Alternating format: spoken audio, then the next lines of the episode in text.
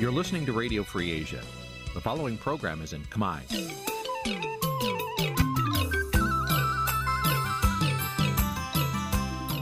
នេះជាកម្មវិធីផ្សាយ Vuthu Azizi Serai នេះជាកម្មវិធីផ្សាយរបស់ Vuthu Azizi Serai ជាភាសាខ្មែរ Vuthu Azizi Serai សូមស្វាគមន៍លោកអ្នកនាងទាំងអស់ពីរដ្ឋធានី Washington នៃសហរដ្ឋអាមេរិក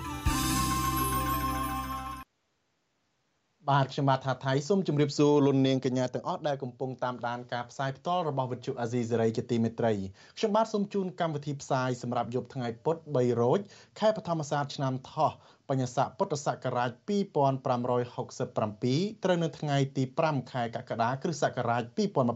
2023បាទជាដំបូងនេះសូមអញ្ជើញលោកនាងស្ដាប់ព័ត៌មានប្រចាំថ្ងៃដែលមានមេត្តាដូចតទៅ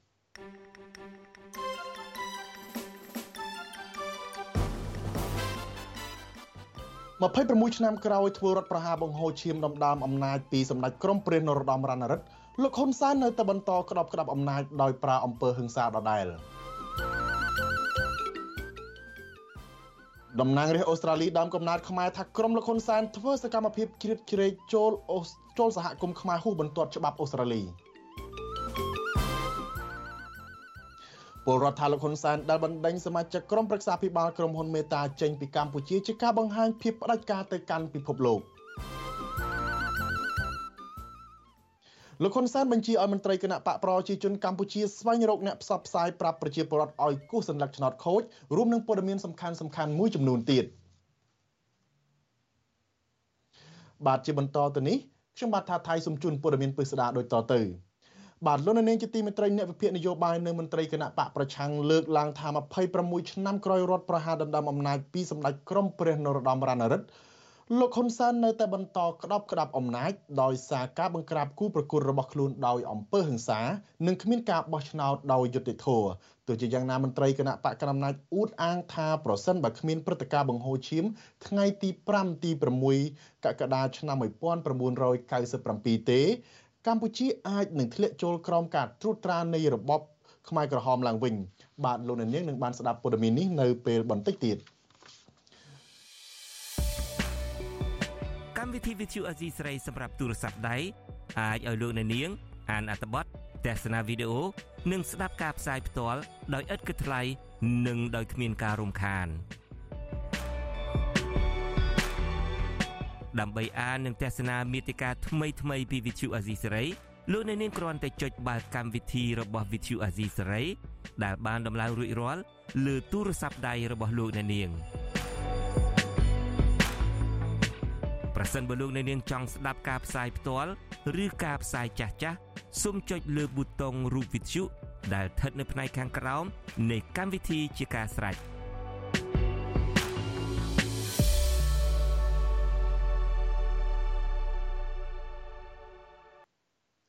បាទឥឡូវនេះយើងងាកទៅមើលការតស៊ូរបស់ក្រមគឧតកោនាការវើដើម្បីទាមទារសិទ្ធិការងារនិងសិទ្ធិសហជីពវិញម្ដងក្រុមគឧតកោនាការវើប្រមាណ40នាក់កាលពីរសៀលថ្ងៃទី4កក្កដាបន្តប្រមូលផ្ដុំគ្នានៅខាងមុខក្រុមហ៊ុន Nagavel ទាមទារឲ្យថៅកែក្រុមហ៊ុនដោះស្រាយវិវាទការងាររបស់ពួកគាត់ក្រៅពីទងស្គរនិងទាមទារឲ្យមានការដោះលែងប្រធានសហជីពក្រុមហ៊ុន Nagavel កញ្ញាឈឹមស៊ីធពួកគាត់ ក៏ធ្វើពិធីរំលឹកថ្ងៃចាប់ផ្ដើមដំបូងនៃការធ្វើយុទ្ធនាការដោយសន្តិវិធីនេះផងដែរសាររបស់ក្រុមគឧតកោនាការវលមានខ្លឹមសារថា564ថ្ងៃដើម្បីសិទ្ធិសហជីពមិនមែនស៊ីឈ្នួលមិនមែនជាបទញុះញង់បន្ថែមពីលើនេះ ពួកគាត់ក៏ថ្លែងពីការបញ្ជាគោលជំហរថាក្រុមកោតក្រធ្វើការងារដោយប្រើកម្លាំងមិនមែនស៊ីឈ្នួលធ្វើកោតកម្មដោយការចោទប្រកាន់របស់លោកនាយករដ្ឋមន្ត្រីហ៊ុនសែននោះឡើយបាទសូមលោកនាងទេសនាការតវ៉ារបស់ក្រុមកោតក្រនៃក្រុមហ៊ុនបនលបៃ Nagavel ដូចតទៅការតវ៉ារបស់កម្មករគឺមានចំនួនថ្ងៃនេះគឺជាចំនួនថ្ងៃដែលយើងចាប់ ដើមតាំងពីថ្ងៃទី18ខែ12ឆ្នាំ2021រហូតមកដល់បច្ចុប្បន្ននេះថ្ងៃនេះគឺជាថ្ងៃទី4ខែកក្កដាឆ្នាំ2023អញ្ចឹងបើយើងរាប់ចំនួនមកដល់ពេលនេះគឺ564ថ្ងៃនៃការតតវ៉ាដើម្បីសិទ្ធិសេរីភាពមិនមែនជាការស៊ីឈ្នួលមិនមែនជារឿងបត់ញញងអីនោះទេកម្មករដែលតវ៉ាមកដល់បច្ចុប្បន្នគឺដើម្បីតែសិទ្ធិសហជីពនឹងឯងដោយសារតកែហ្នឹងគាត់រើសអើងសហជីព អញ្ចឹងមិនមែនជាវិវាទបុគ្គលមិនមែនជាវិវាទនយោបាយឬក៏ទម្លាក់លោកធំណាមួយទេគឺដើម្បីសិទ្ធិសេរីភាពរបស់សហជីពដែលថាកាយណាកាវើមីស្ទ័រឆាន់នីកលហ្នឹងគឺគាត់រំលោភហ្នឹងរំលោភសហជីពហ្នឹងចឹងមិនគេនៅតវ៉ាឲ្យគេចង់ដាក់ប្រាប់ចំចំថាហៅកែរំលោភសហជីពមិនមែនវិវាទនយោបាយយើងទៅសេច្បាស់ច្បាស់ហើយរាល់សារដែលយើងស្រែកគឺចំចំប៉ុន្តែហេតុអីក៏ អ្នកពាក់ព័ន្ធមួយចំនួននៅតែមើលខុសពួកខ្ញុំមានចម្ងល់ហើយមិនមែនជាអ្នកធម្មតាសិតតែអ្នកចេះដឹងសិតតែមិនដិតទៀតពេលខ្លះតែដល់ពេលមកវិនិច្ឆ័យរឿងឬគល់នៃបញ្ហាក៏ហត់ចេញវិវាទហ្នឹងមានអ្នកជាប់គុកជាប់ច្បាប់ច្រើនណាស់រហូតដល់ជាង10នាក់ហើយផ្ដន់ទៀតទោសមកចំណងទៅលើកញ្ញាឈឹមសុធររហូតដល់2ឆ្នាំទៀតប្រទេសណាដែលដែលចាប់សហជីពដាក់គុកអញ្ចឹងវាដែរមានទេមានប្រទេសលទ្ធិជាតបតៃនេះ គ្រាន់តែតវ៉ារឿងសិទ្ធិការងារមានមានច្បាប់ចាប់ដាក់គុកដែរនៅក្នុងច្បាប់បានចែងថាការតវ៉ាទាមទារសិទ្ធិសេរីភាពរបស់របស់សហជីពមិនមែនជាបទអក្រិតប៉ុន្តែហេតុអីដល់ថ្នាក់ជាប់គុកជាប់ច្បាប់យើងមានចម្ងល់ហើយមានសំណួរថាមិនក៏អនុវត្តបែបបញ្ច្រាស់ទៅអញ្ចឹងវិវាទការងារនេះនិយាយអំពីច្បាប់មិនមែននិយាយអំពីលុយដែលយកមកទិញក្បាលកម្មករនោះទេ បាទឥឡូវនេះយើងងាកចេញពីរឿងរ៉ាវនៅក្នុងស្រុកខ្មែរមកចាប់អារម្មណ៍រឿងរ៉ាវនៅលើទឹកដីប្រទេសអូស្ត្រាលីវិញម្ដងប្រជាសហគមន៍ខ្មែររស់នៅទីក្រុង Melbourne នៃប្រទេសអូស្ត្រាលីនឹងរៀបចំវេទិកាសាធារណៈមួយជាមួយនឹងតំណាងប៉ូលីសសហព័ន្ធអូស្ត្រាលីនៅថ្ងៃទី9ខែកក្កដាខាងមុខដើម្បីជជែកអំពីក្តីកង្វល់និងដំណោះស្រាយជុំវិញករណីមន្ត្រីរដ្ឋាភិបាលលោកហ៊ុនសែនចូលមកជ្រៀតជ្រែកគម្រាមកំហែងបំផិតបំភ័យនិងបំបាយបំបាក់សហគមន៍ខ្មែរ។ តំណាងរាស្ត្រអូស្ត្រាលីដើមកំណើតខ្មែរលោកតាក់មិញហៀងដែលជាអ្នកជំនាញច្បាប់ផងនោះអំពាវនាវឲ្យពលរដ្ឋខ្មែរចូលរួមវេទិកាសាធារណៈនេះឲ្យបានច្រើនដើម្បីឆ្វេងយល់អំពីទម្រង់នៃការជ្រៀតជ្រែកពីរដ្ឋាភិបាលលោកហ៊ុនសែនបាទនៅក្នុងទឹកដីប្រទេសអូស្ត្រាលីលោកតាក់មិញហៀងមើលឃើញថាក្រមរបស់លោកហ៊ុនសែនកាន់តែធ្វើសកម្មភាពហួសបន្ទាត់ច្បាប់អូស្ត្រាលីដែលពួកគេអាចនឹងទទួលរងទណ្ឌកម្មដោយមិនដឹងខ្លួន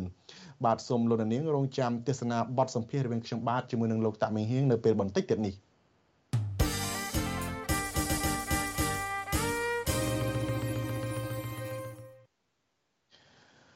បាទប្រជាពលរដ្ឋនិងអ្នកវិភាគនយោបាយរិះគន់ថាលោកនាយរដ្ឋមន្ត្រីហ៊ុនសែនកំពុងបង្ហាញពីភាពផ្ដាច់ការរបស់លោកឲ្យពិភពលោកបានដឹងកាន់តែច្បាស់ បន្ទាប់ពីលោកបណ្ដេញសមាជិកក្រុមប្រឹក្សាភិបាលក្រុមហ៊ុនមេតាដែលគ្រប់គ្រងបណ្ដាញសង្គម Facebook 22នាក់ចេញពីកម្ពុជាយ៉ាងតក់ក្រហល់ពួកគាត់ចាត់ទុកថានេះគឺជាការធ្វើទុកបុកម្នេញទៅលើសមាជិកក្រុមប្រឹក្សាភិបាលក្រុមហ៊ុន Facebook ទាំងនោះបន្ទាប់ពីមានបណ្ដឹងស្នើឲ្យផ្អាកទំព័រ Facebook របស់លោកហ៊ុនសែនរយៈពេល6ខែបាទលោកសេចបណ្ឌិតរាយការណ៍ព័ត៌មាននេះប្រជាពលរដ្ឋនិងអ្នកវិភាគនយោបាយមើលឃើញថា ការបណ្ដេញក្រុមការងាររបស់ក្រុមហ៊ុន Facebook 22នាក់ចេញពីទឹកដីកម្ពុជា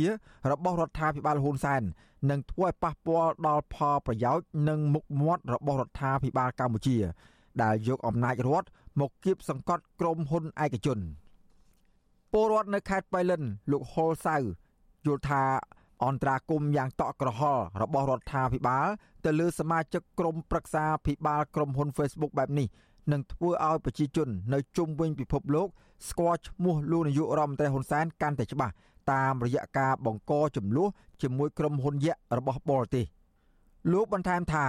ការបណ្ដេញសមាជិកក្រុមប្រឹក្សាភិបាលត្រួតពិនិត្យនៃក្រុមហ៊ុនមេតាបែបនេះនឹងធ្វើឲ្យមតិអន្តរជាតិគិតថារដ្ឋាភិបាលកម្ពុជា ខ្វះទំនួលខុសត្រូវនិងខ្វះសិលធម៌ផ្នែកការទូត ជារឿងអមនុស្សធម៌មែនទែនខឹងគឺជាការសងសឹកហើយនឹងការវិបកទៅលើក្រុមហ៊ុនមេតា Facebook តែម្ដងចំណែកកសិករនៅស្រុកប្រណិតព្រះខេត្តបន្ទាយមានជ័យលោកសោមសុមិតយល់ឃើញថាការបណ្ដេញក្រុមហ៊ុនការងារនៃក្រុមហ៊ុនមេតាទាំង22នាក់ចេញពីប្រទេសនិងមិនអោយមកជន់ទឹកដីកម្ពុជាម្ដងទៀតនោះ ទំនងជាល្បិចរបស់លោកនាយករដ្ឋមន្ត្រីហ៊ុនសែនដើម្បីបិទបណ្ដាញសង្គម Facebook នៅកម្ពុជា តាមរយៈការធ្វើទុកបុកម្នេញទៅលើតំណាងក្រុមហ៊ុន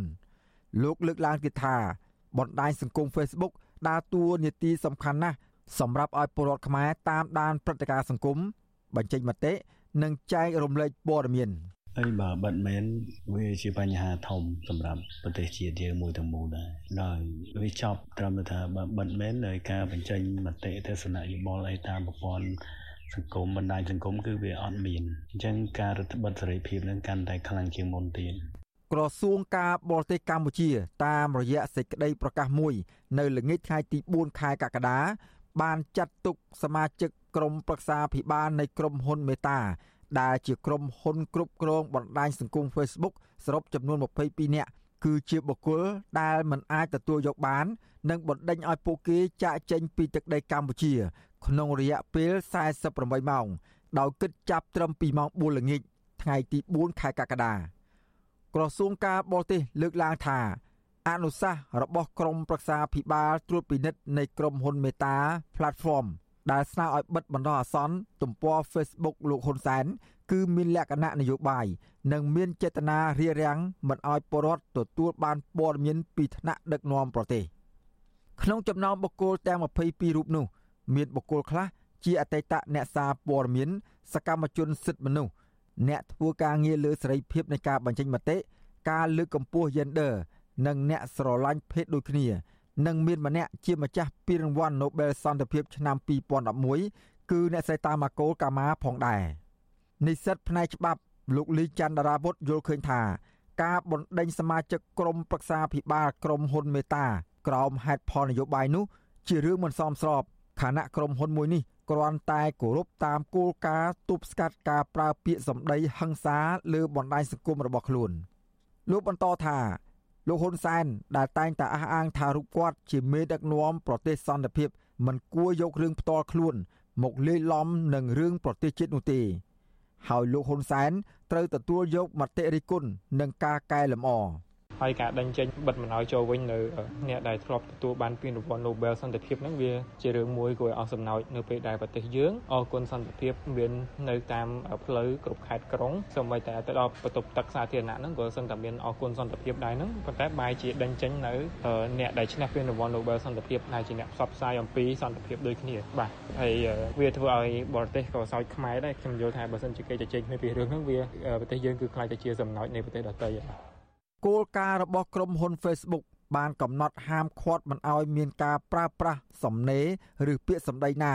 ដែលមានលក្ខណៈបង្កប់ការគំរាមកំហែងការរើសអើងនិងការប្រើប្រាស់អំពើហិង្សាលើមេតិកាក្នុងបណ្ដាញសង្គមនោះឡើយអ្នកវិភាគនយោបាយលោកកឹមសុខយល់ឃើញថាវិធានការរបស់លោកហ៊ុនសែនលើក្រុមហ៊ុន Facebook បែបនេះនឹងធ្វើឲ្យក្រុមហ៊ុនបរទេសដែលរកស៊ីសុចរិតមានការភ័យខ្លាច អំពីការរំលោភសិទ្ធិនិងគោលការណ៍របស់ឯកជនភាព ពីសំណាក់រដ្ឋាភិបាល ទន្ទឹមគ្នានេះដែរ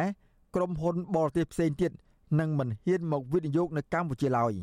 កុំភ្លេចថាក្រុមហ៊ុនមេតា Facebook មិនរកស៊ីតែឯងទេ មានភ្ជាប់បណ្ដាញទំនាក់ទំនងរកស៊ីជាមួយ Google YouTube និងក្រុមហ៊ុនពិភពលោកជាច្រើនផ្សេងទៀតដូច្នេះ ពួកគេប្រកាសជាប្រមូលផ្ដុំគ្នាមានវិធានការយូរអង្វែងលើរដ្ឋាភិបាលលោកហ៊ុនសែនហើយគ្រាន់តែរបៀបធ្វើរបស់ពួកគេជាអ្នកចេះដឹងកម្រិតអន្តរជាតិមិនធ្វើតាមកំរោលទេ គឺគេធ្វើតាមបែបបទច្បាប់និងគន្លងអន្តរជាតិហើយ ការបដិញ្ញសមាជិកក្រុមប្រឹក្សាភិបាលក្រុមហ៊ុនមេតាទាំង22រូបនេះធ្វើឡើងក្រោយពីក្រសួងប្រៃសណីនិងទូរគមនាគមន៍ បានបិទការិយាល័យតំណាងក្រុមហ៊ុនកាលពីថ្ងៃទី1ខែកក្កដាជំនួសឲ្យការបិទបណ្ដាញសង្គមដ៏ពេញនិយមមួយនេះនៅស្រុកខ្មែរប្រជាពលរដ្ឋនិងអ្នកវិភាគនយោបាយយល់ឃើញថាលោកហ៊ុនសែនមិនហ៊ានបិទបណ្ដាញសង្គមមួយនេះទេដោយខ្លាចប្រជាពលរដ្ឋទាស់ចិត្តមិនបោះឆ្នោតឲ្យលោកតែលោកបានបដូរយុទ្ធសាស្ត្រទៅជាការធ្វើទុកបុកម្នេញឥតឈប់ឈរលើក្រុមហ៊ុនមួយនេះ ដោយដែលលោកធ្វើដាក់សម្លេងរិះគន់នឹងក្រុមអ្នកប្រឆាំងកន្លងមកខ្ញុំបាទសេកបណ្ឌិតវិទ្យុអាស៊ីសេរីពីរដ្ឋធានីវ៉ាស៊ីនតោន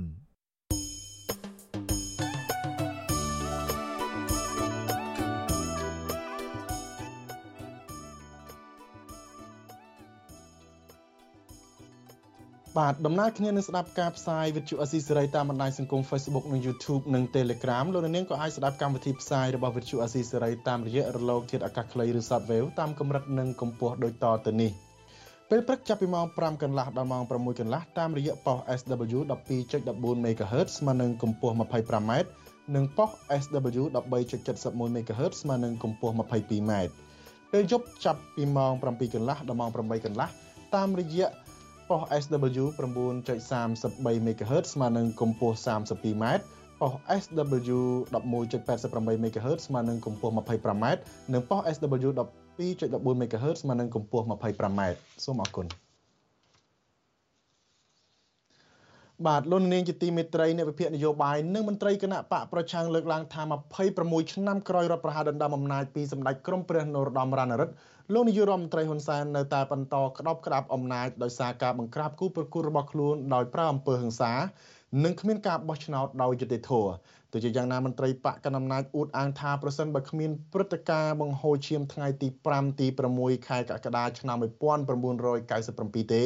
ប្រទេសកម្ពុជាអាចនឹងធ្លាក់ចូលក្រោមការត្រួតត្រានៃរបបខ្មែរក្រហមជាថ្មីឡើងវិញបាទលោកយុនសាមៀនរីកាព័ត៌មាននេះ ថ្ងៃនេះកាលពី26ឆ្នាំមុនក្រមយោធារបស់លោកហ៊ុនសែនកំពុងប្រយុទ្ធដណ្ដើមអំណាចពីសម្ដេចក្រមព្រះនរោត្តមរណរដ្ឋបណ្ដាលឲ្យមានការបង្ហូរឈាមក្នុងទីក្រុងភ្នំពេញ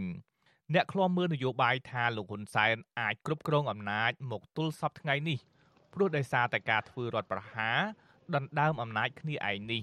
អ្នកវិភាគនយោបាយលោកកឹមសុខលើកឡើងថារយៈពេល26ឆ្នាំមកនេះលោកហ៊ុនសែននៅតែប្រើប្រាស់អាវុធអំពើហិង្សា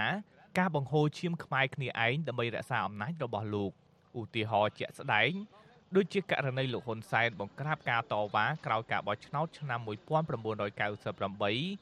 ការប្រើប្រាស់ហិង្សាវាយលើក្រុមសកម្មជនគណបកប្រឆាំង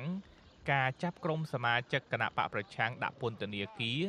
និងគម្រាមបាញ់សម្លាប់មេដឹកនាំគណបកប្រឆាំងលោកសំរងស៊ីជាដើម។ គ្រប់រូបភាពតូចនិងរូបភាពធំ យើងឃើញសុទ្ធតែជាការជេរប្រមាថប្រើអំពើហិង្សាគំរាមកំហែងនិងរហូតទៅដល់កាប់សម្លាប់ដើម្បីបំផិតបំភ័យគូប្រជែងឬក៏ខ្ទប់គូប្រជែងហើយក្នុងគោលដៅរបស់លោកហ៊ុនសែនរក្សាអំណាចរបស់គាត់និងក្រុមគ្រួសាររបស់គាត់ដោយដែលគាត់ប្រកាសលើកឲ្យកូនហើយចៅទៀតកាលពីថ្ងៃទី5 ថ្ងៃទី6កក្កដាឆ្នាំ1997មានការផ្ទុះអាវុធនៅក្នុងនិងជុំវិញទីក្រុងភ្នំពេញ បង្កឡើងដោយកងទ័ពស្មោះនឹងលោកហ៊ុនសែននាយករដ្ឋមន្ត្រីទី2នាយករដ្ឋមន្ត្រីទី2លោកហ៊ុនសែនកាលនោះប្រកាសថាកងទ័ពរបស់លោកបង្ក្រាបក្រុមជ្រុលនិយម និងកងទ័ពខ្មែរក្រហមទីហ៊ាននិងមន្ត្រីយោធានៃគណៈបរិជានិយមហ្វុនស៊ិនពេជ្រយ៉ាងហោចណាស់100នាក់ត្រូវបានគេសម្លាប់ក្រៅច្បាប់ នៅក្នុងអំឡុងពេលរដ្ឋប្រហារគិតចាប់តាំងពីថ្ងៃទី2កក្កដាដល់ថ្ងៃទី7ខែកក្កដាឆ្នាំ1997ជុំវិញរឿងនេះអ្នកនាំពាក្យគណៈបកប្រជាជនកម្ពុជា លោកសុកអេសានលើកឡើងថា ការផ្ទុះអាវុធបង្ហូរឈាមកណ្ដាលទីក្រុងភ្នំពេញកាលពី26ឆ្នាំមុន មិនមែនរដ្ឋប្រហារតែជាការទប់ស្កាត់កងទ័ពខ្មែរក្រហម មិនឲ្យចូលទីក្រុងភ្នំពេញតាមរយៈកងកម្លាំងគណៈបកហ្វុនស៊ិមពេជ្រដែលលួចបញ្ជូនចូលមកលោកសុកអេសានអះអាងថាប្រសិនបើគ្មានព្រឹត្តិការណ៍ថ្ងៃទី5ថ្ងៃទី6ខែកក្កដា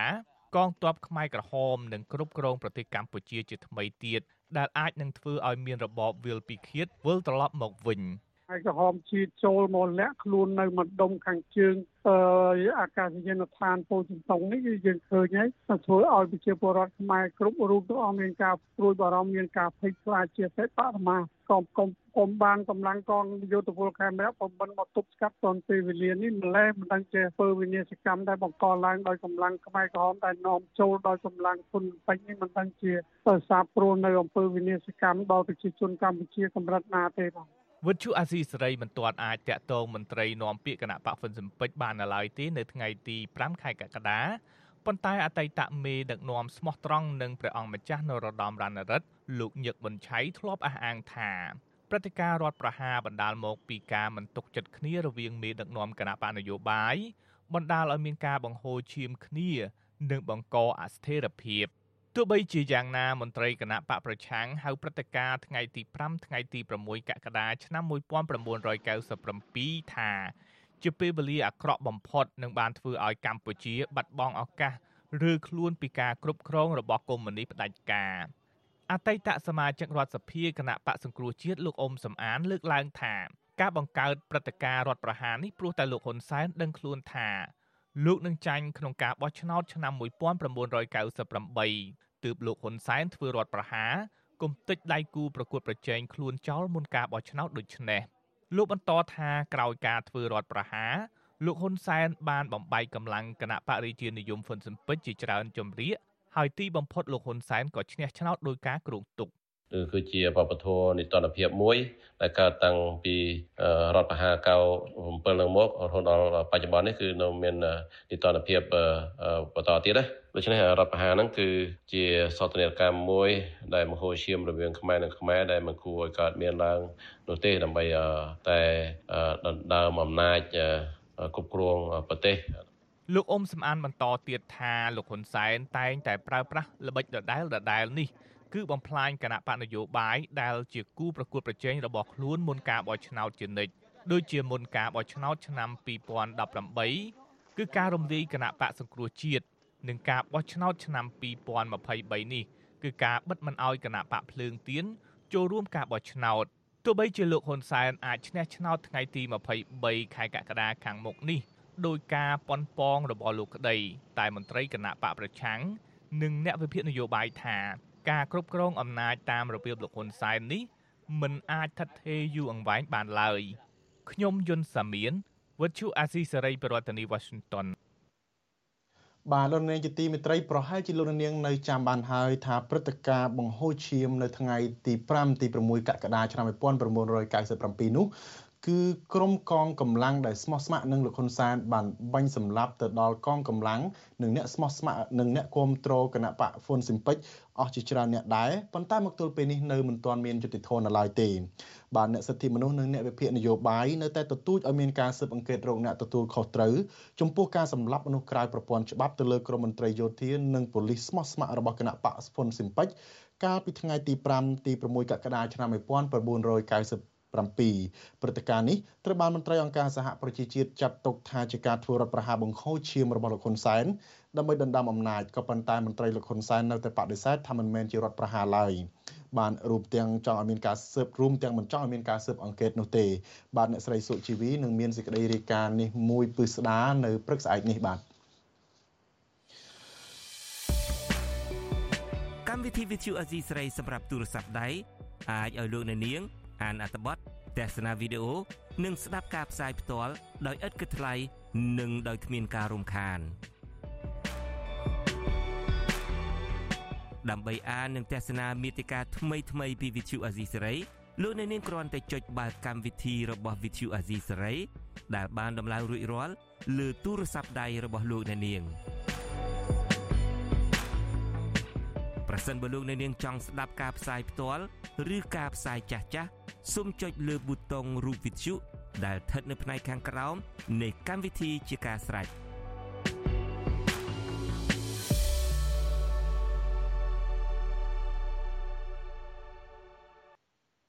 បាទលោកនាងជាទីមេត្រីលោកនាយករដ្ឋមន្ត្រីហ៊ុនសែនបានចេញបញ្ជាឲ្យមន្ត្រីរបស់គណៈបកប្រជាជនកម្ពុជាស្វែងរកបុគ្គលដែលលោកអះអាងថាឃោសនាបន្លំឲ្យប្រជាពលរដ្ឋគូសសញ្ញលឹកឆ្នោតឲ្យខូច ដែលឡៃមន្ត្រីគណៈបកប្រឆាំងនៅក្រៅប្រទេសនៅតែជំរុញប្រជាពលរដ្ឋឲ្យគូសសញ្ញាឆ្នោតឲ្យខូចដើម្បីបង្ហាញពីការមិនពេញចិត្តចំពោះការបោះឆ្នោតคล้ายៗលោកមានរិទ្ធរាយការណ៍ព័ត៌មាននេះទោះបីជាគ្មានគណៈបកនយោបាយដែលមានលទ្ធភាពដណ្ដើមអាសនៈនៅរដ្ឋសភាជាមួយគណៈបកប្រជាជនកម្ពុជាយ៉ាងណាក្តីក៏លោកហ៊ុនសាននៅតែព្រួយបារម្ភពីការឃោសនាឲ្យប្រជាពលរដ្ឋគូសសញ្ញឆ្នោតឲ្យខូច អតីតកម្មាភិបាលខ្មែរក្រហមលោកហ៊ុនសាន នៅថ្ងៃទី5ខែកក្កដាបានថ្លែងសារជាសម្លេងរយៈពេលប្រមាណ5នាទីណែនាំឲ្យមន្ត្រីគណៈបកប្រជាជនកម្ពុជា ស្វែងរកបុគ្គលដែលបន្លំខ្លួនជាសមាជិកគណៈបកប្រជាជនកម្ពុជានិងបានឃោសនាឲ្យប្រជាពលរដ្ឋគូសសញ្ញឆ្នោតឲ្យខូច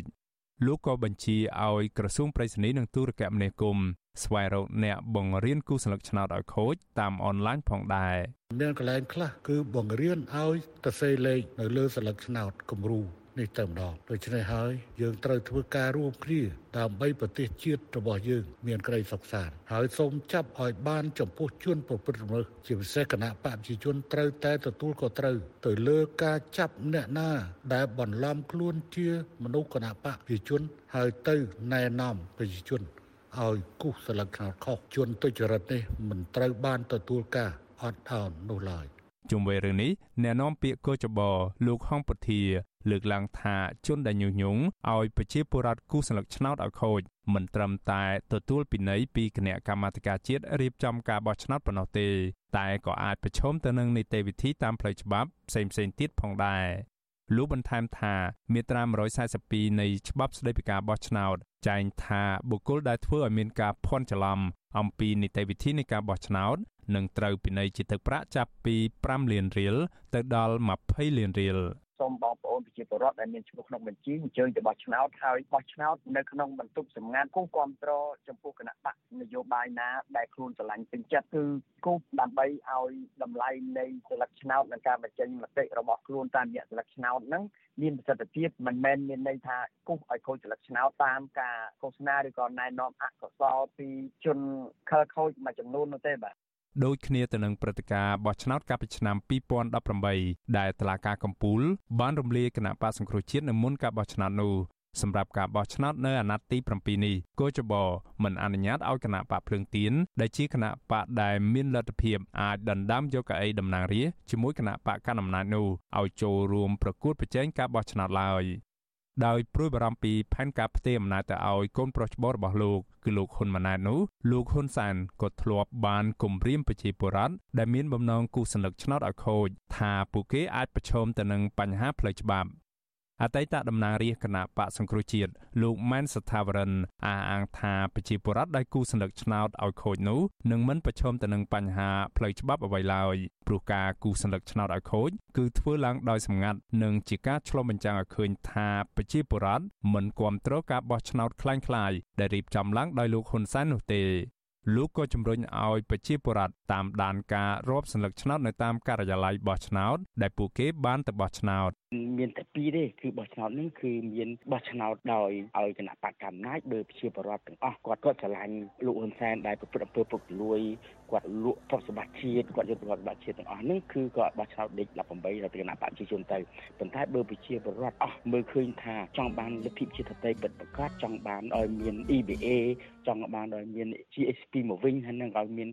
អង្គការសហប្រជាជាតិឬក៏អន្តរជាតិទាំងអស់ជួយប្រទេសកម្ពុជាឡើងវិញទៅតែបោះឆ្នោតគូសចោល ជុំវិញរឿងនេះនាយកប្រតិបត្តិនៃអង្គការឃ្លាំមើលការបោះឆ្នោត Netflix លោកសំគុណធីមី លើកឡើងថាបុគ្គលដែលផ្សព្វផ្សាយបន្លំឲ្យប្រជាពលរដ្ឋគូសញ្ញលឹកឆ្នោតឲ្យខូចនឹងត្រូវទទួលពិន័យពីកោចបោ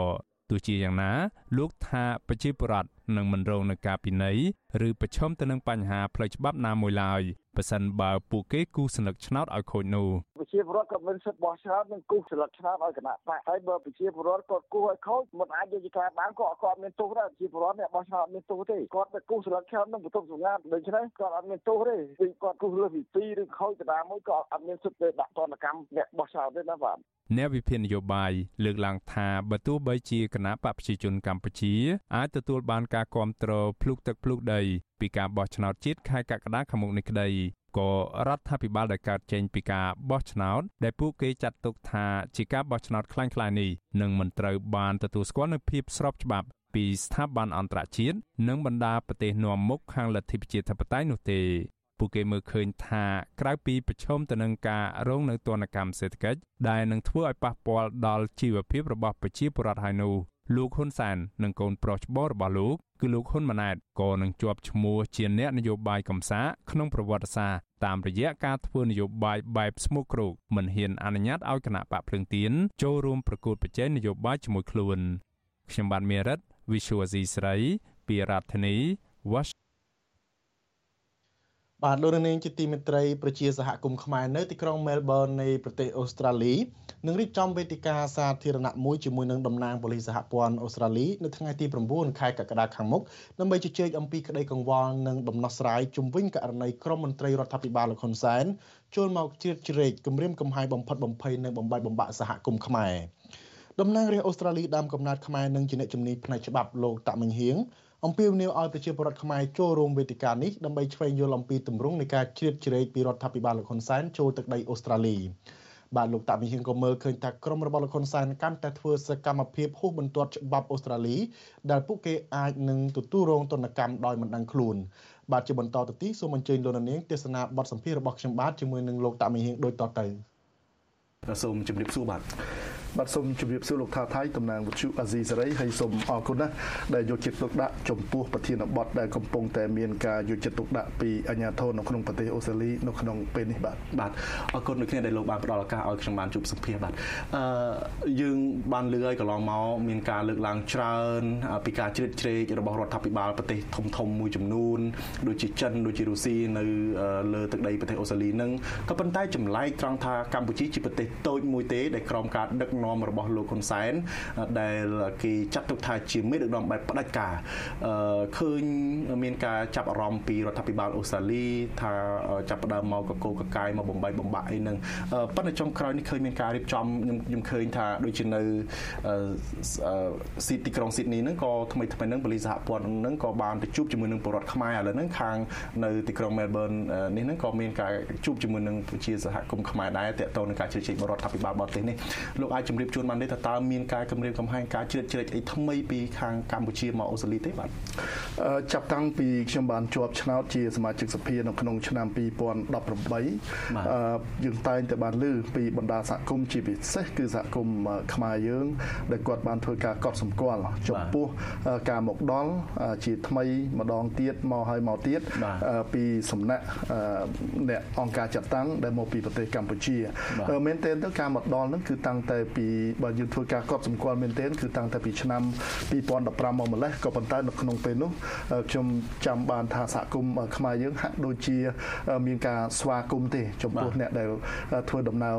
មកថ្មីនៅក្នុងឆ្នាំ2015នោះដែលយើងចាត់ទុកថានេះគឺជាក្រុមគ្រួសារខ្មែរទោះបីជាមាននិន្នាការឬមួយក៏មានការងារ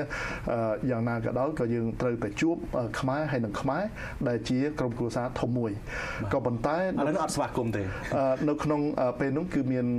ការជួបជុំគ្នាក៏ប៉ុន្តែក្រោយមកទៀតគឺយើងបានឃើញថាការមកដល់របស់ពួកគាត់គឺមិនមែនមកដើម្បី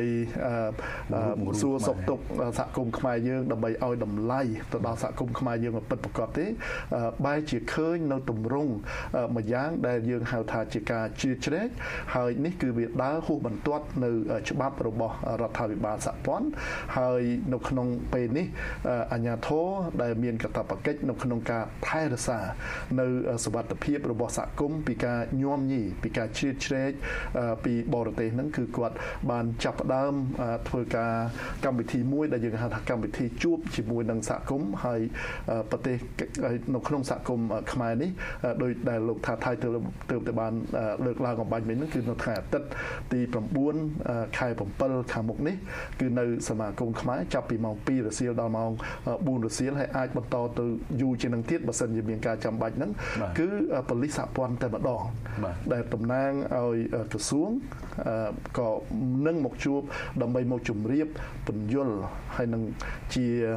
ការផ្ដល់នៅភាពកក់ក្ដៅមួយទៅដល់សហគមន៍ខ្មែរយើងថាតើការជ្រៀតជ្រែកហ្នឹងវាមានទម្រង់របៀបម៉េចហើយអាជ្ញាធរនៅទីនេះតើគេមានដំណោះស្រាយយ៉ាងដូចម្ដេចហើយគេដេញនឹងមានចំណាត់ការអ្វីខ្លះចំពោះអ្នកដែលយើងហៅថាក្រុមដែលជិះកប៉ាល់ហោះមកដើម្បីធ្វើការជ្រៀតជ្រែកនោះបាទបាទបាទអឺតើមិញនេះលោកបកស្រាយថាមកពួកក្រុមអ្នកជិះយន្តហោះមកហ្នឹងគឺថាមកហុបពីបន្ទាត់នៃការមកធម្មតាបាទធ្វើឲ្យហុបពីបន្ទាត់ច្បាប់របស់អូស្ត្រាលីដែលអូស្ត្រាលីហ្នឹងមានច្បាប់មួយប្រឆាំងទៅនឹងការជ្រៀតជ្រែកពីរដ្ឋបរទេសតើតើទម្រង់នៃការមកជ្រៀតជ្រែកនឹងដែលដែលហុបបន្ទាត់ច្បាប់នឹងតើតើមានរូបភាពបែបណាខ្លះដែរបាទវាមានរូបភាពច្រើនលោកថាថៃហើយរូបភាពខ្លះគឺយើងអាចមើលឃើញរូបភាពខ្លះទៀតគឺយើងមិនអាចមើលឃើញជាទូទៅប្រទេសណាក៏ដូចប្រទេសណាដែរតែងតែបញ្ជូនភ្នាក់ងាររបស់ខ្លួនតាមរយៈស្ថានទូតក្តីតាមរយៈអង្គភាពពាណិជ្ជកម្មក្តីតាមរយៈក្រមសិស្សនិស្សិតក្តីហ្នឹងគឺឲ្យមានទំនាក់ទំនងដែលជាផលប្រយោជន៍ទៅវិញទៅមកដើម្បីឲ្យបានស្គាល់អំពីប្រទេសអូស្ត្រាលីហើយឲ្យអូស្ត្រាលីគាត់អាចមានទំនាក់ទំនងទៅប្រទេសសម័យរបស់គាត់ក៏ប៉ុន្តែ នៅពេលដែលសកម្មភាពទាំងនោះវាចូលទៅដល់បន្ទាត់ថាដើម្បីមកធ្វើការគៀបសង្កត់តាមរយៈផ្លូវចិត្តក៏ដោយតាមរយៈផ្លូវកាយក៏ដោយ តាមរយៈការប៉ះពាល់ទៅដល់សិទ្ធិនៅក្នុងការទំនាក់ទំនងនៅក្នុងសហគមន៍ហើយតាមរយៈការធ្វើឲ្យប៉ះពាល់ទៅដល់សតិអារម្មណ៍ការរស់នៅសុខដុមរមនារបស់ពួកគាត់នឹងហើយដែលយើងរាប់ថាហួសបន្ទាត់នៃការទំនាក់ទំនងនៃការពង្រីកយើងហៅថាការយល់ដឹងអំពីវប្បធម៌អរិយធម៌របស់ប្រទេសមួយទៅប្រទេសមួយផ្សេងទៀតនោះឧទាហរណ៍ថាចំចំនៅពេលដែលបណ្ដាញអង្គការចាត់តាំងពីប្រទេសណាមួយ មករៀបចំឲ្យមានតំណាងរបស់ខ្លួនគ្រប់រដ្ឋទាំងអស់ហើយតំណាងរបស់ខ្លួននឹងត្រូវតែធ្វើសកម្មភាពមួយចំនួន ដើម្បីរាយការណ៍ទៅដល់មេបណ្ដាញមេតំណាង នៅក្នុងតំបន់របស់គេ ហើយការដែលរាយការណ៍ហ្នឹងគឺមានបន្ទាត់បណ្ដោយបន្ទាត់ទៅតឹងអីត្រឹមត្រូវជារបៀបអង្គការចាត់តាំងហ្នឹងនឹងហើយដែលរាប់ថាវាជាផ្នែកមួយ នៃការជ្រៀតជ្រែកពីក្រៅប្រទេសហ្នឹងគ្រាន់តែជាឧទាហរណ៍មួយទេបាទបាទបាទតាមការពិតទៅគឺថាក្រមលោកហ៊ុនសែនហ្នឹងក៏មានបណ្ដាញរបស់គាត់ហ្នឹងចាត់តាំងនៅគ្រប់ទីកន្លែងនៅតាមរដ្ឋអីផ្សេងៗមាន7តំបន់នៅក្នុងហ្នឹងមានរចនាសម្ព័ន្ធដែលក្រមការបញ្ជាផ្ទាល់ពីលោកហ៊ុនម៉ាណែតដែលជាអ្នកត្រៀមចាំស៊ីគេរបស់ឪពុករបស់លោកហើយក៏មានមន្ត្រីយោធាប៉ូលីសតាមក្រសួងស្ថាប័នរដ្ឋសុទ្ធតែមន្ត្រីរាជការជាន់ខ្ពស់នឹងដែលជាមនុស្សចំណិតនឹងរបស់លោកហ៊ុនម៉ាណែតតែម្ដងដែលមកគ្រប់គ្រងចាត់តាំងប្រមូលគីងកោកម្លាំងឲ្យទៅគ្រប់គ្រងអឺការដឹកនាំបច្ចុប្បន្ននឹងបាទតើការជ្រៀតជ្រែករូបភាពផ្សេងទៀតអ្វីទៅដែលឃើញជាក់ស្ដែងដែលគួរឲ្យព្រួយបារម្ភបច្ចុប្បន្ននេះបាទនៅនៅក្នុងសហគមន៍គឺការចូលមកដល់នៅក្នុងសហគមន៍នៅពេលដែលមានការខ្សឹបខ្សៀវនៅពេលដែលមានមេដឹកនាំនៃប្រទេសមួយដែលបញ្ជាឲ្យអ្នកគ្រប់គ្រងរបស់ខ្លួនដែលមែនទែនទៅគឺអង្គការចាត់តាំងរបស់ខ្លួននៅទីនេះហ្នឹងគឺដើម្បីធ្វើការកត់សម្គាល់ដូចជាថតរូបដូចជា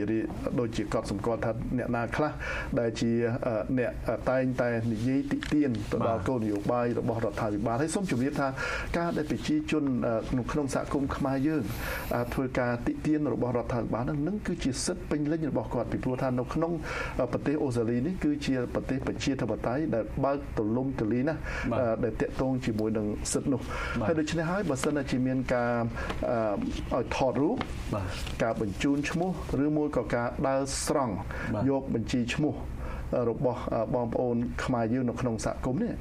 នឹងគឺជាផ្នែកមួយនៃការជ្រៀតជ្រែកមួយទៀត ដូចជាឧទាហរណ៍ចំចំដូចជាការរៀបចំកម្មវិធីនៅក្នុងសហគមន៍ហ្នឹងរួចហើយមានការខ្សឹបខ្សៀវកុំឲ្យតាក់ទងអ្នកនេះកុំឲ្យតាក់ទងអ្នកនោះប្រយ័ត្នមានបងប្អូនធ្វើការនៅស្រុកខ្មែរឬមួយក៏មានបងប្អូននៅស្រុកខ្មែរអីគេរោរឿងអីចឹងនឹងគឺជាការបិទមាត់នៅក្នុងការបញ្ចេញមតិដែលបង្កឲ្យមានផលប៉ះពាល់ទៅដល់សតិអារម្មណ៍របស់បងប្អូនយើងដែលបានមករស់នៅក្នុងប្រទេសអូស្ត្រាលីនេះដោយដែលលោកថាថៃបានដឹងហើយថាសហគមន៍ខ្មែរយើងនៅក្នុងប្រទេសអូស្ត្រាលី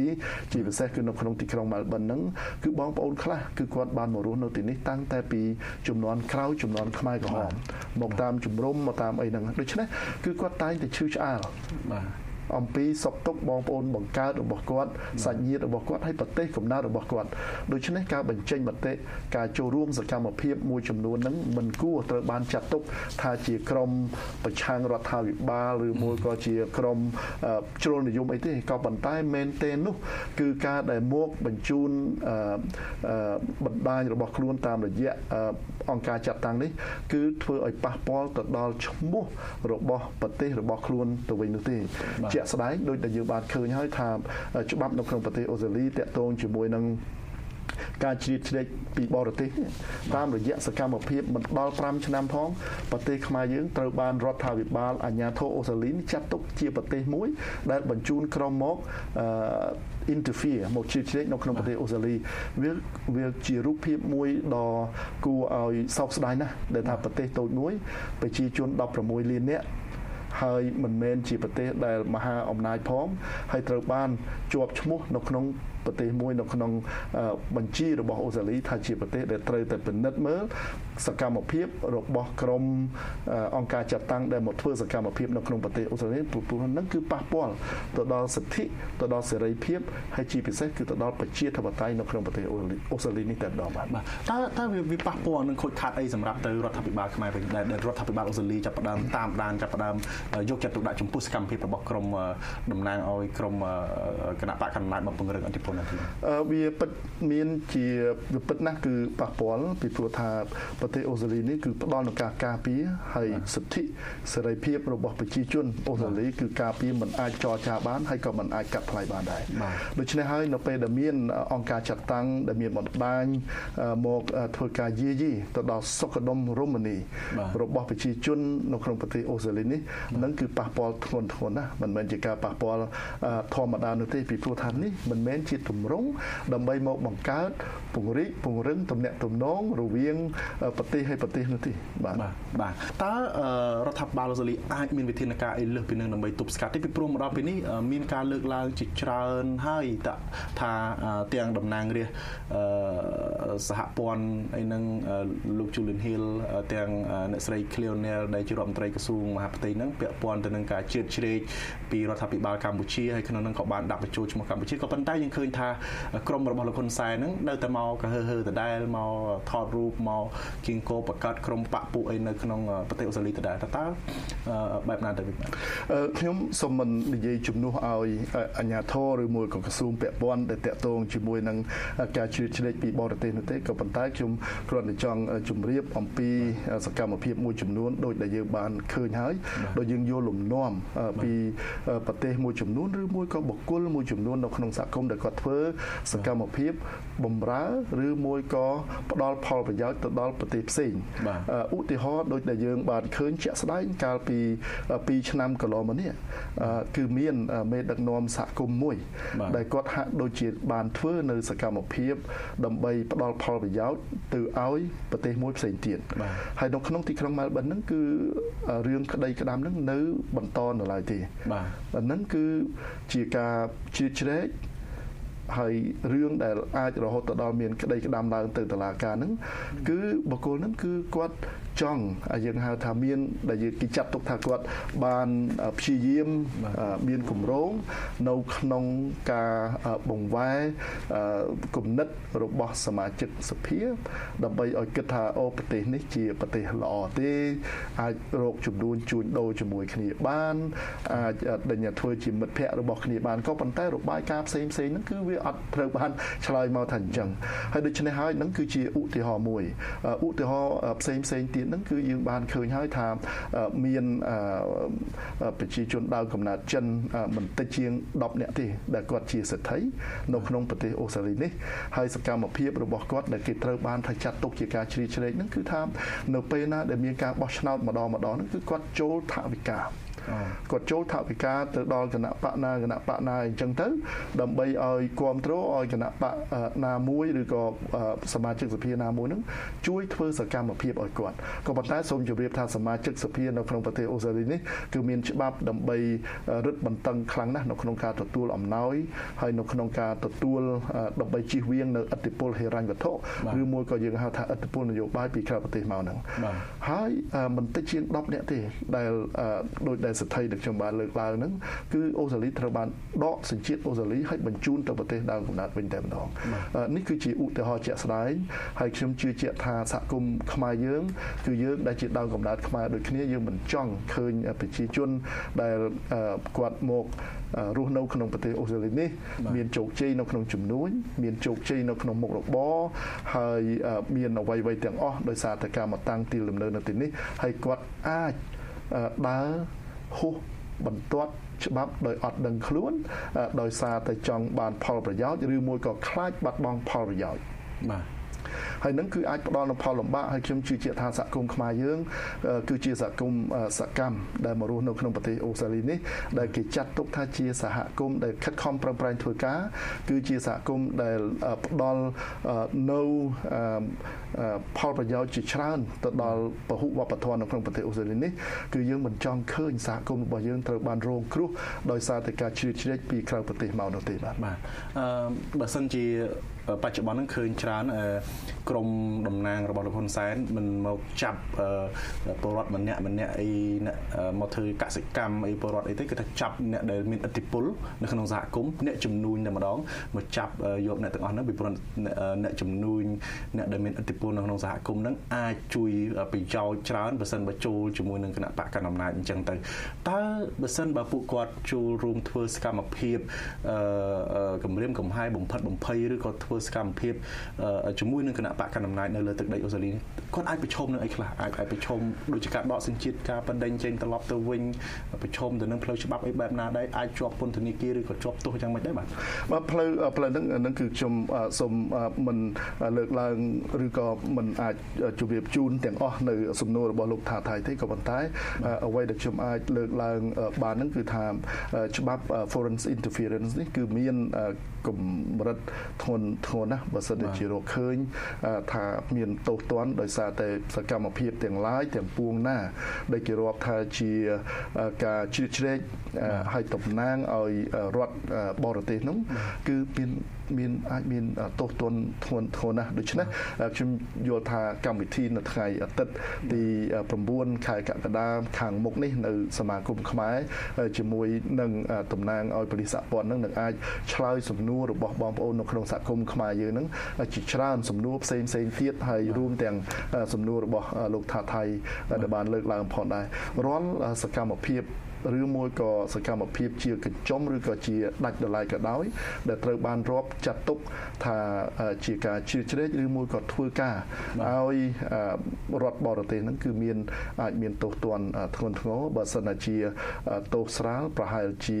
អាចមានកម្រិត2ឆ្នាំហើយបើសិនជាទោសនៅធ្ងន់អាចមានកម្រិតធ្ងន់ជាងហ្នឹងបាទបាទបាទបាទអឺនៅថ្ងៃទី9ហ្នឹងសង្ឃឹមថាប្រជាពលរដ្ឋខ្មែរយើងនឹងទៅចូលរួមច្រើនដើម្បីស្ដាប់និងស្វែងយល់អំពីអ្វីទៅជាការជ្រៀតជ្រែកហើយស្ដាប់តំណាងប៉ូលីសសហព័ន្ធតែម្ដងតើនឹងមានវិធានការបែបម៉េចដែរបាទខ្ញុំចាប់អារម្មណ៍ចំពោះប្រសាសន៍របស់លោកមុននេះបន្តិចថាជួនកាលទៅពួកគាត់ទៅតាក់ទងទៅចូលរួមជាមួយនឹងតំណាងគណៈបកប្រជាជនកម្ពុជាដែលមកប្រទេសអូស្ត្រាលីហ្នឹងដើម្បីស្វែងរកផលប្រយោជន៍ដោយសារថាចង់ទៅរកស៊ីចង់ទៅធ្វើជំនួយនៅកម្ពុជាវិញប៉ុន្តែអាចសួយបាទអាចខាត់ចុងខាត់ដើមទៅវិញអឺហើយដោយដោយមិនដឹងខ្លួនបាទអឺដូច្នេះមានន័យថាពួកគាត់ជួនកាលគាត់ដឹងថាអ្វីដែលគាត់ធ្វើចូលរួមនឹងធ្លាក់ទៅក្នុងអ្វីដែលជាអំពើខុសច្បាប់ទេតើលោកអាចបញ្ជាក់បានទេលំអិតបានទេសកម្មភាពដើម្បីឲ្យពលរដ្ឋនឹងគាត់បានយល់ថាទម្រង់នៃការជ្រៀតជ្រែកការធ្លាក់ទៅដោយមិនដឹងខ្លួនការធ្វើសកម្មភាពដោយមិនដឹងខ្លួនទៅក្នុងអំពើខុសច្បាប់របស់អូស្ត្រាលីនឹងមានអីខ្លះដែរបាទដើម្បីឲ្យ people បានជាក់ស្ដែងគឺទម្រង់វាមានច្រើនក៏ប៉ុន្តែខ្ញុំគ្រាន់តែលើកឡើងអំពីចំណុចសំខាន់សំខាន់ដោយតែបានលើកឡើងកាលពីពេលមុនហ្នឹងគឺការគម្រាមកំហែងដោយផ្ទាល់តែម្ដងគឺការគម្រាមកំហែងតាមរយៈផ្លូវកាយហើយនិងការគម្រាមកំហែងតាមរយៈផ្លូវសតិអារម្មណ៍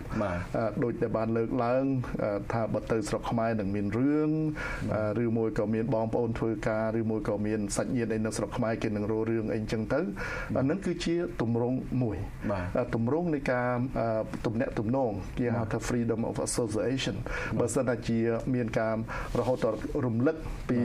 អង្គការចាត់តាំងណាមួយថានេះបើសិនជាតាក់ទងជាមួយអង្គការនេះតាក់ទងជាមួយក្រុមនេះតាក់ទងជាមួយក្រុមអីហ្នឹងនឹងធ្វើឲ្យប៉ះពាល់ទៅដល់សុវត្ថិភាពឬមួយក៏ជាការប្រហើជាការបញ្ចេញមតិខ្សឹបខ្សៀវដែលធ្វើឲ្យយើងមានការប៉ះពាល់ដល់អារម្មណ៍អានឹងក៏គួរតែអាចឬមួយក៏ត្រូវបាន ចាត់ទុកថាជាការរំខានហើយការរំខាននោះបើសិនជាវាមានទម្រង់ជាប្រព័ន្ធតែម្ដងនឹងគឺរាប់ចូលនៅក្នុងការជ្រៀតជ្រែកពីរដ្ឋបរទេសដែលដែលតំណាងដោយ agent ដោយភ្នាក់ងារនៅក្នុងនៅក្នុងតំបន់នេះហើយអ្វីដែលច្បាស់ជាងនឹងទៅទៀតនឹងដែលដូចដែលខ្ញុំបានលើកឡើងអំពីបរិះម្នាក់ដែលកំពុងតែមានក្តីនៅក្នុងទីក្រុង Melbourne ហើយនឹងជាង10នាក់ដែលត្រូវបានគេដកវីសាហ្នឹងគឺគាត់បានចូលរួមជាថវិកាតែម្ដងគឺចូលរួមជាថវិកាដើម្បីបង្វែរនៅខេត្តគាត់សង្ឃឹមថា នៅពេលដែលសមាជិកសភាណាមួយឬមួយក៏នៅពេលដែលក្រុមប្រឹក្សាឃុំសង្កាត់ណាមួយជាប់ឆ្នោតនឹងបើកទ្វារនឹងធ្វើការ ឲ្យឬមួយក៏នឹងបន្ធូរបន្ថយនៅនៅគម្រោងអ្វីមួយរបស់អូស្ត្រាលីទៅកាន់ប្រទេសដើមកំណើតដែលធ្វើការជាដែលបុគ្គលធ្វើការឲ្យភ្នាក់ងារហ្នឹងនឹងគឺរាប់ចាត់ទុកថាជាជាការទទួលអត្តពល ហើយបើសិនជាអតិពលនឹងត្រូវបានធ្វើដោយមានការបញ្ជាដោយមានការលើកទឹកចិត្ត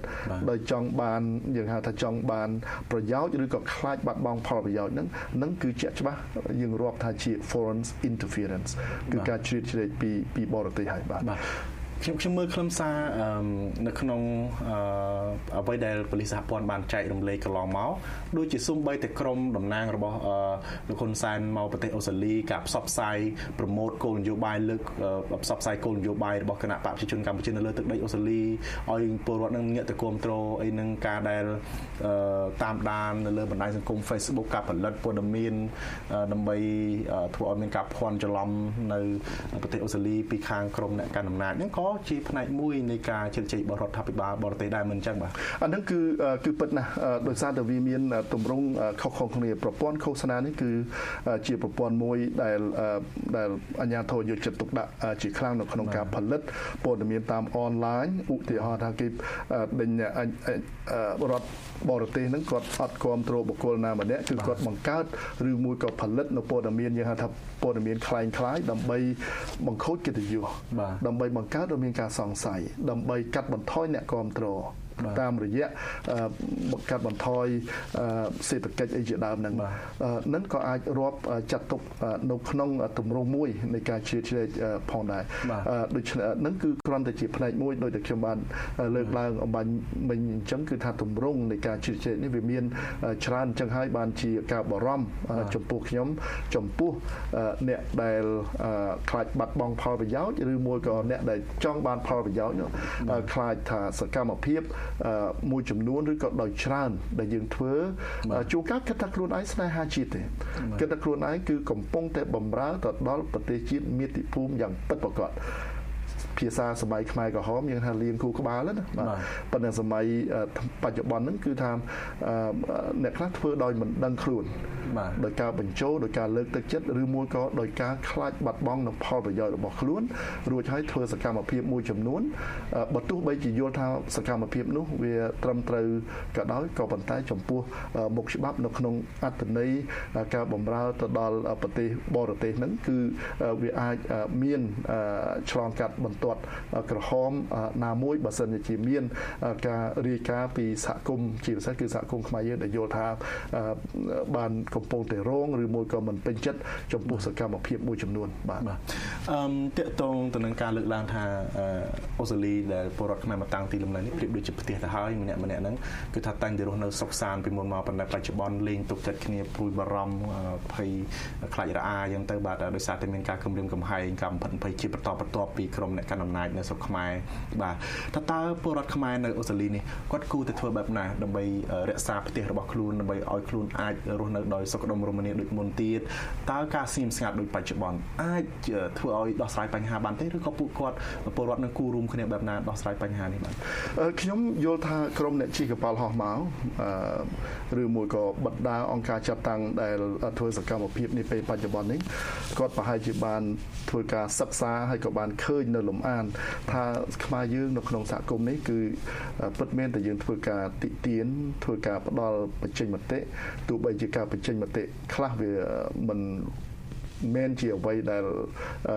រដ្ឋាភិបាលនៅប្រទេសកម្ពុជាចង់ឮចង់ស្ដាប់នោះនឹងមែនទេនោះគឺគ្រាន់តែជាការបញ្ចេញមតិដោយសារតែគាត់ ចាត់ទុកប្រទេសកំណើតរបស់គាត់នឹងគឺជាផ្ទះរបស់គាត់ដែរគឺជាទីកន្លែងកំណើតគឺជា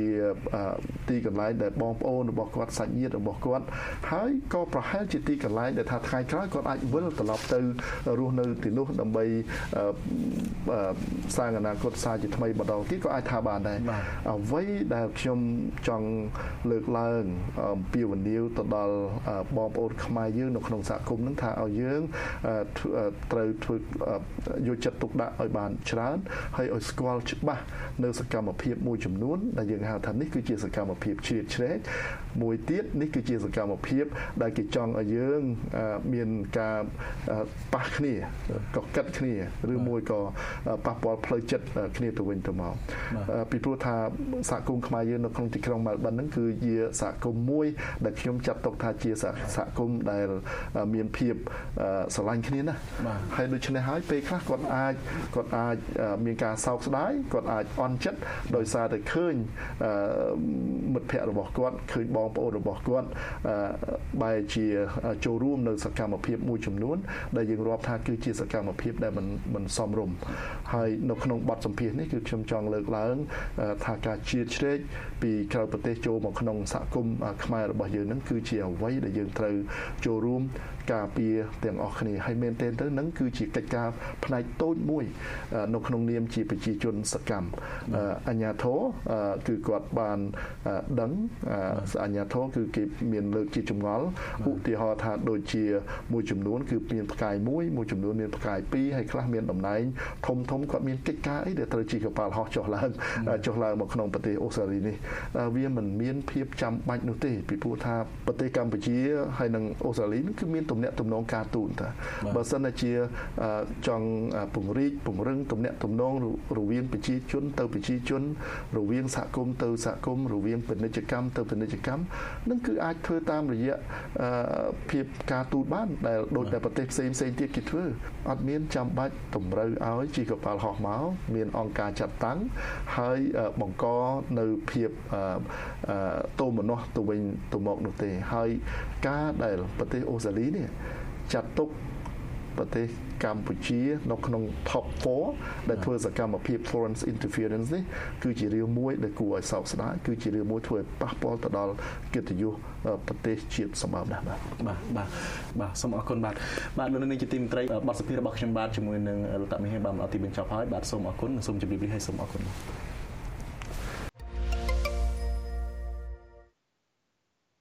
បាទលោកនាងជាទីមេត្រីលោកនាងទើបតែបានស្ដាប់បទសម្ភាសន៍របស់ខ្ញុំបាទជាមួយនឹងលោកតាមីហៀងដែលនិយាយអំពីការជ្រៀតជ្រែករបស់រដ្ឋាភិបាលលោកហ៊ុនសែននៅលើទឹកដីប្រទេសអូស្ត្រាលីបាទសូមអរគុណ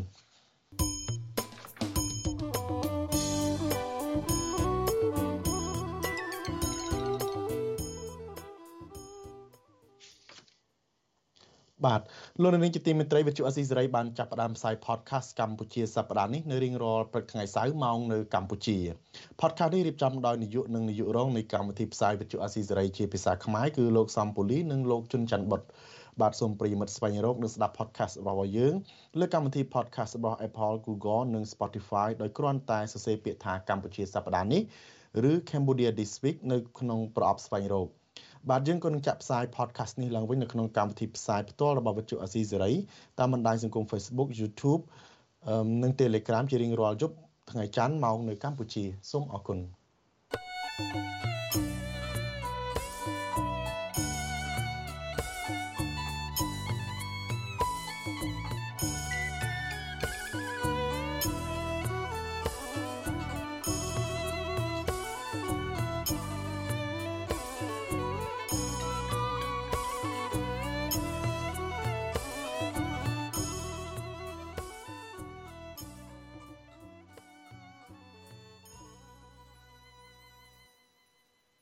អ្នកសិទ្ធិមនុស្សនិងអ្នកវិភាគនយោបាយនៅតែទទូចឲ្យមានការស៊ើបអង្កេតរោគអ្នកទទួលខុសត្រូវចំពោះការសម្លាប់មនុស្សក្រៅច្បាប់លើមន្ត្រីយោធានិងប៉ូលីសស្មោះស្ម័គ្ររបស់គណៈបកហ្វុនស៊ិមពេចកាលពីថ្ងៃទី5និងថ្ងៃទី6ខែកក្កដាឆ្នាំ1997ព្រឹត្តិការណ៍នេះត្រូវបានមន្ត្រីអង្គការសហប្រជាជាតិចាត់ទុកថាជាការធ្វើរដ្ឋប្រហារបង្ហូរឈាមរបស់លោកហ៊ុនសែនដើម្បីដណ្ដើមអំណាចក៏ប៉ុន្តែមន្ត្រីរបស់លោកហ៊ុនសែននៅតែបដិសេធ ថាមិនមែនជារដ្ឋប្រហារឡើយរួមទាំងមិនចង់ឲ្យមានការស៊ើបអង្កេតនោះទេ បាទលោកនាងនឹងបានស្ដាប់ព័ត៌មាននេះនៅព្រឹកស្អែកបាទតកតងទៅនឹងសកម្មភាពសាងសង់សំណង់រឹងរំលោភដីបំពេញជ្រាំងព្រែកដៃសមុទ្រនៅក្នុងខេត្តកំពតវិញម្ដងបាទសកម្មភាពសាងសង់សំណង់រឹងរំលោភបំពេញជ្រាំងព្រែកដៃសមុទ្រនៅក្នុងខេត្តកំពតនៅតែបន្តកើតមានឡើងដោយគ្មានវិធានការទប់ស្កាត់ពីអាជ្ញាធរនោះឡើយបាទព្រាត់រងសង្កេតឃើញថាអាជ្ញាធរហាក់មិនចាប់អារម្មណ៍ ហាមឃាត់ការសាងសង់សំណង់ខុសច្បាប់ទាំងនេះតាំងពីដំបូងនោះឡើយបាទលោកនាងក៏នឹងបានស្ដាប់សេចក្តីរាយការណ៍នេះនៅព្រឹកស្អែកដែរបាទលោកនាងជាទីមេត្រីការផ្សាយរយៈពេល1ម៉ោងរបស់វិទ្យុអស៊ីសេរីនៅរាត្រីនេះចប់ត្រឹមតែប៉ុណ្ណេះយើងខ្ញុំសូមជូនពរដល់លោកនាងឲ្យជួបប្រកបតែនឹងសេចក្តីសុខចម្រើនរុងរឿងកុំបីឃ្លៀងឃ្លាតឡើយខ្ញុំបាទថាថៃព្រមទាំងក្រុមការងារទាំងអស់នៃវិទ្យុអាស៊ីសេរីសូមអរគុណនិងសូមជម្រាបលារាត្រីសួស្តី